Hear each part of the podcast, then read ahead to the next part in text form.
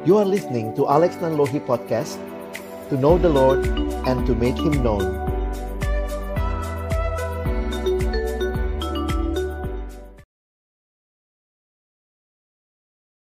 Shalom rekan-rekan remaja yang dikasihi dalam Tuhan Yesus Kristus.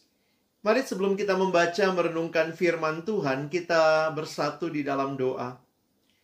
Kami bersyukur ya Tuhan buat kesempatan kami kembali boleh belajar akan kebenaran firman-Mu. Kami akan membuka firman-Mu, bukalah juga hati kami. Jadikanlah hati kami seperti tanah yang baik, supaya ketika benih firman Tuhan ditaburkan boleh sungguh-sungguh berakar, bertumbuh, dan juga berbuah nyata di dalam hidup kami. Berkati hambamu yang menyampaikan dan setiap kami yang mendengarkan, Tuhan tolonglah kami semua, agar kami bukan hanya jadi pendengar-pendengar firman yang setia, mampukan dengan kuasa dari rohmu yang kudus, kami boleh menjadi pelaku-pelaku firmanmu di dalam hidup kami, di dalam masa remaja kami. Bersabdalah ya Tuhan, kami umatmu sedia mendengarnya di dalam satu nama yang kudus, nama yang berkuasa, nama Tuhan kami Yesus Kristus, Sang Firman yang hidup. Kami menyerahkan pemberitaan firman-Mu. Amin. Rekan-rekan yang dikasihi dalam Tuhan Yesus Kristus, ada pepatah mengatakan tak kenal maka tak sayang. Hari ini kita sama-sama akan melihat satu tema yang penting di dalam kitab Filipi pasal 3 ayat 10 sampai ayat yang ke-11. Tema yang saya pilih untuk renungan ini adalah Knowing You, Jesus. Filipi pasal 3 ayat 10 dan ayat yang ke-11. Yang ku kehendaki ialah mengenal dia dan kuasa kebangkitannya dan persekutuan di dalam penderitaannya, di mana aku menjadi serupa dengan dia dalam kematiannya, supaya aku akhirnya beroleh kebangkitan dari antara orang mati. Sahabat remaja yang Tuhan Yesus kasihi, ada pepatah mengatakan tak kenal maka tak sayang. Dan seharusnya makin kenal ya makin sayang. Tetapi pertanyaan yang sama kita perlu tanyakan dalam hidup kita sebagai remaja-remaja Kristus yang mengenal Tuhan Yesus sebagai satu-satunya Tuhan dan Juru Selamat di dalam hidup kita. Sudahkah kita mengenal Kristus? Nah, kalau kita memperhatikan kata mengenal yang muncul di dalam Filipi pasal 3, mengenal yang dimaksud bukan sekadar pengetahuan secara kognitif, tetapi pengenalan yang melibatkan relasi yang dalam antara kita dengan Kristus. Mungkin secara mudahnya Kak pikir begini ya. Misalnya, ada yang tanya, apa bedanya antara tahu dan kenal? Contoh, teman-teman tahu siapa Presiden Republik Indonesia saat ini? Tahu ya? Bapak Insinyur Joko Widodo. Jokowi kita biasa memanggilnya. Tapi saya tanya lebih lanjut, teman-teman kenal apa tidak? Nah, beda ya. Tahu berbeda dengan kenal. Yang mana yang lebih dalam? Kenal itu lebih dalam. Tahu hanya berkaitan dengan kognitif, informasi, tetapi pengenalan melibatkan relasi. Bagaimana antara engkau dan Kristus? Sudahkah kita benar-benar memiliki pengenalan akan Tuhan. Pengenalan yang dimulai di dalam iman kepada Kristus. Karena itu kalau kita perhatikan, ketika Paulus menuliskan kitab Filipi pasal yang ketiga, Paulus sudah mengenal Yesus kurang lebih 28 tahun. Sejak dia bertobat, lalu kemudian dia menuliskan surat Filipi Para penafsir mengatakan kira-kira 25 sampai 28 tahun Paulus sudah kenal Yesus, teman-teman. Tapi lihat, kerinduannya sangat menarik. Kerinduannya adalah Paulus berkata, "Yang ku kehendaki adalah mengenal Dia dan kuasa kebangkitannya dan persekutuan dalam penderitaannya, di mana aku menjadi serupa dengan Dia dalam kematiannya." supaya aku akhirnya beroleh kebangkitan dari antara orang mati. Kerinduan yang sangat dasar tetapi menjadi kerinduan terus-menerus. Mau kenal Tuhan, mau kenal Tuhan lebih dan lebih lagi. Alex membayangkan kalau waktu itu ada wartawan yang datang mewawancarai Paulus, mungkin dia akan bertanya, Bapak Paulus, Anda telah melayani kurang lebih 28 tahun. Luar biasa pelayanan Anda. Boleh tahu apa yang menjadi kerinduan Anda yang terbesar? Lalu Paulus menjawab, Yang ku kehendaki ialah mengenal dia. Teman-teman, pengenalan akan Kristus pertama tadi adalah pengenalan yang relasional, tetapi lebih jauh pengenalan akan Kristus adalah pengenalan seumur hidup. Kita belum pernah sampai di dalam pengenalan yang akhirnya kita berkata, "Oh, saya sudah kenal semuanya tentang Kristus." Tetapi sepanjang kita hidup, ini adalah pengenalan terus-menerus. Satu-satunya mata pelajaran yang tidak pernah selesai dalam hidup adalah mata pelajaran mengenal dia. Mengenal Allah. Mengenal Yesus, Juru Selamat kita. Ini adalah sebuah pengenalan terus-menerus. Dan karena itu kita harusnya ingat baik-baik untuk terus memprioritaskan hal ini di dalam kehidupan kita sebagai remaja-remaja Kristen. Kita bukan hanya orang-orang yang sudah kenal Yesus di masa lalu. Kerohanian bukan nostalgia. Jangan bilang, oh dulu saya kenal Tuhan, oh saya dulu rajin banget. Tapi itu dulu. Pengenalan adalah terus-menerus. Bagaimana pengenalanmu akan Kristus sekarang? Apakah engkau masih terus rindu mengenal dia? Pengenalan yang relasional. Lalu kemudian yang kedua, pengenalan seumur hidup. Dan yang ketiga, pengenalan akan Kristus adalah pengenalan yang transformasional. Wah, apa maksudnya? ketika kita memperhatikan di dalam ayat yang ke-10 ini. Paulus berkata, yang ku kehendaki ialah mengenal dia. Dan akhirnya dia berkata, di mana aku menjadi serupa dengan dia. Makin kenal, makin sayang. Tapi lebih dari itu, ada perubahan yang transformasional, transformatif. Terjadi perubahan, saya makin mirip dengan Kristus.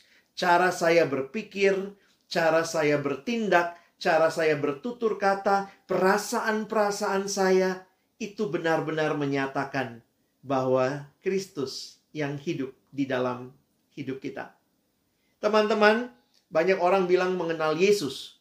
Banyak orang yang bilang dia rajin ke gereja, tapi gimana di rumah? Apakah ada perubahan?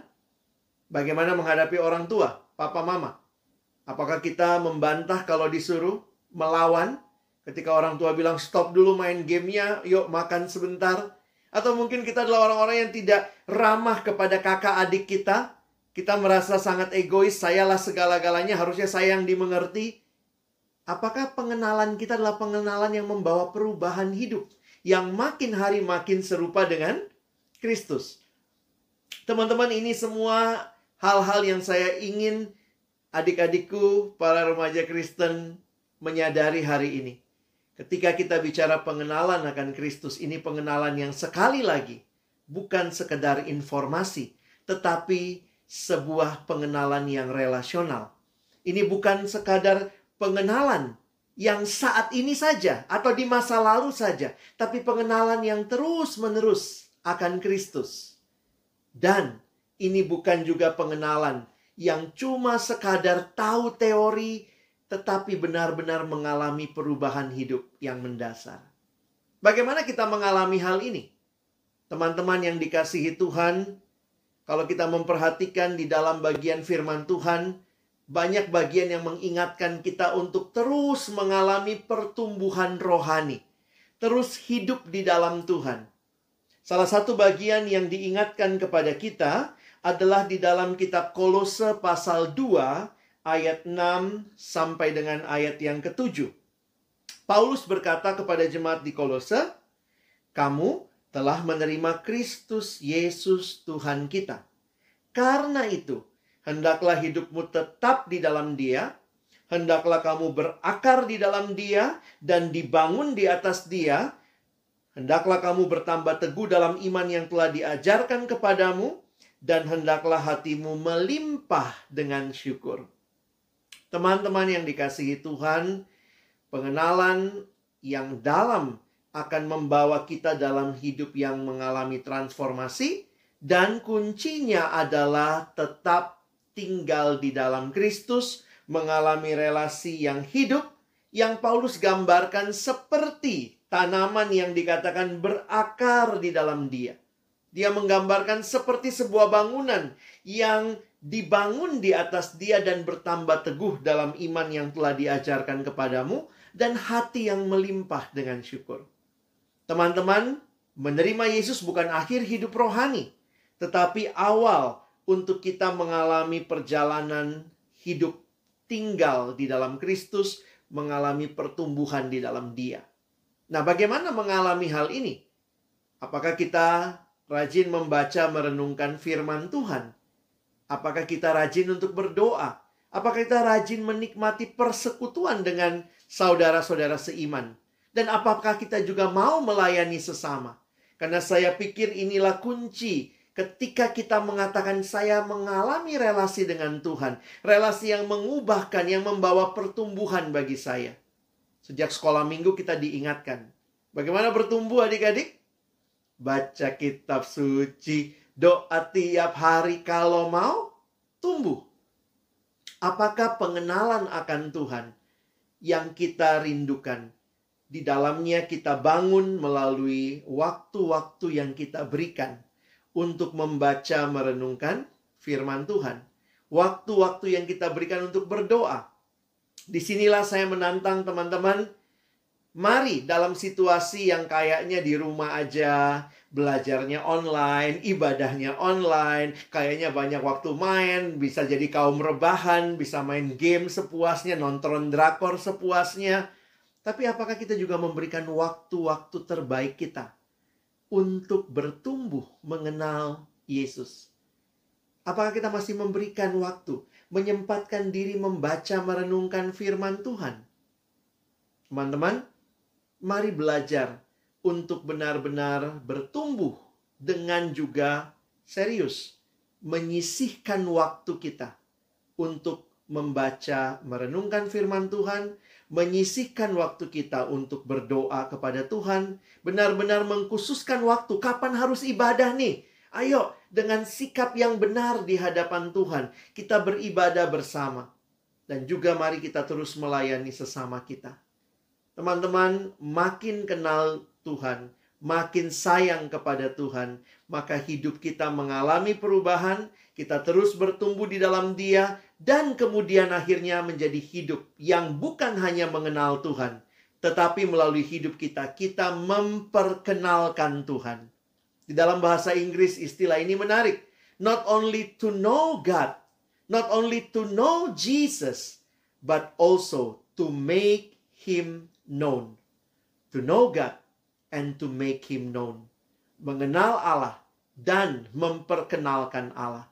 Biarlah hidupmu di masa remaja ketika engkau sungguh-sungguh mengalami hidup yang diubahkan di dalam Tuhan. Tuhan pakai kamu luar biasa juga boleh menjadi berkat bagi teman-temanmu, bagi sesamamu, bagi kakak adikmu, bagi keluargamu, bagi papa mamamu, bahkan bagi semua orang. Melalui hidup kita, biarlah Tuhan dipermuliakan. Marilah kita jadi remaja-remaja yang terus mengenal Yesus dan memperkenalkan Yesus bagi dunia ini. Amin. Mari kita berdoa. Bapa Surgawi kami bersyukur untuk firman-Mu yang mengingatkan kami. Pengenalan yang relasional, pengenalan yang seumur hidup, pengenalan yang di dalamnya ada transformasi hidup. Dan itu kami nikmati ketika kami tinggal di dalam firman-Mu. Kami memberi waktu bukan hanya untuk main ketika situasi pandemik ini, tapi punya waktu untuk beribadah, punya waktu untuk membaca, merenungkan firman, punya waktu untuk berdoa.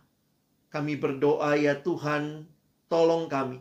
Bukan cuma jadi pendengar firman, tapi boleh sungguh-sungguh jadi pelaku, pelaku firman. Sejak masa muda kami, masa remaja kami. Sehingga biarlah melalui hidup kami yang terpancar adalah hidup Kristus. Kami yang mengenal Kristus akhirnya Tuhan pakai memperkenalkan Kristus bagi dunia ini. Biarlah melalui hidup kami Tuhan dipermuliakan. Kami sekali lagi bersyukur, tolong kami anak-anak remaja untuk terus mau hidup mengenal Tuhan dan memperkenalkan Tuhan. Dalam nama Tuhan Yesus, kami sekali lagi bersyukur. Amin.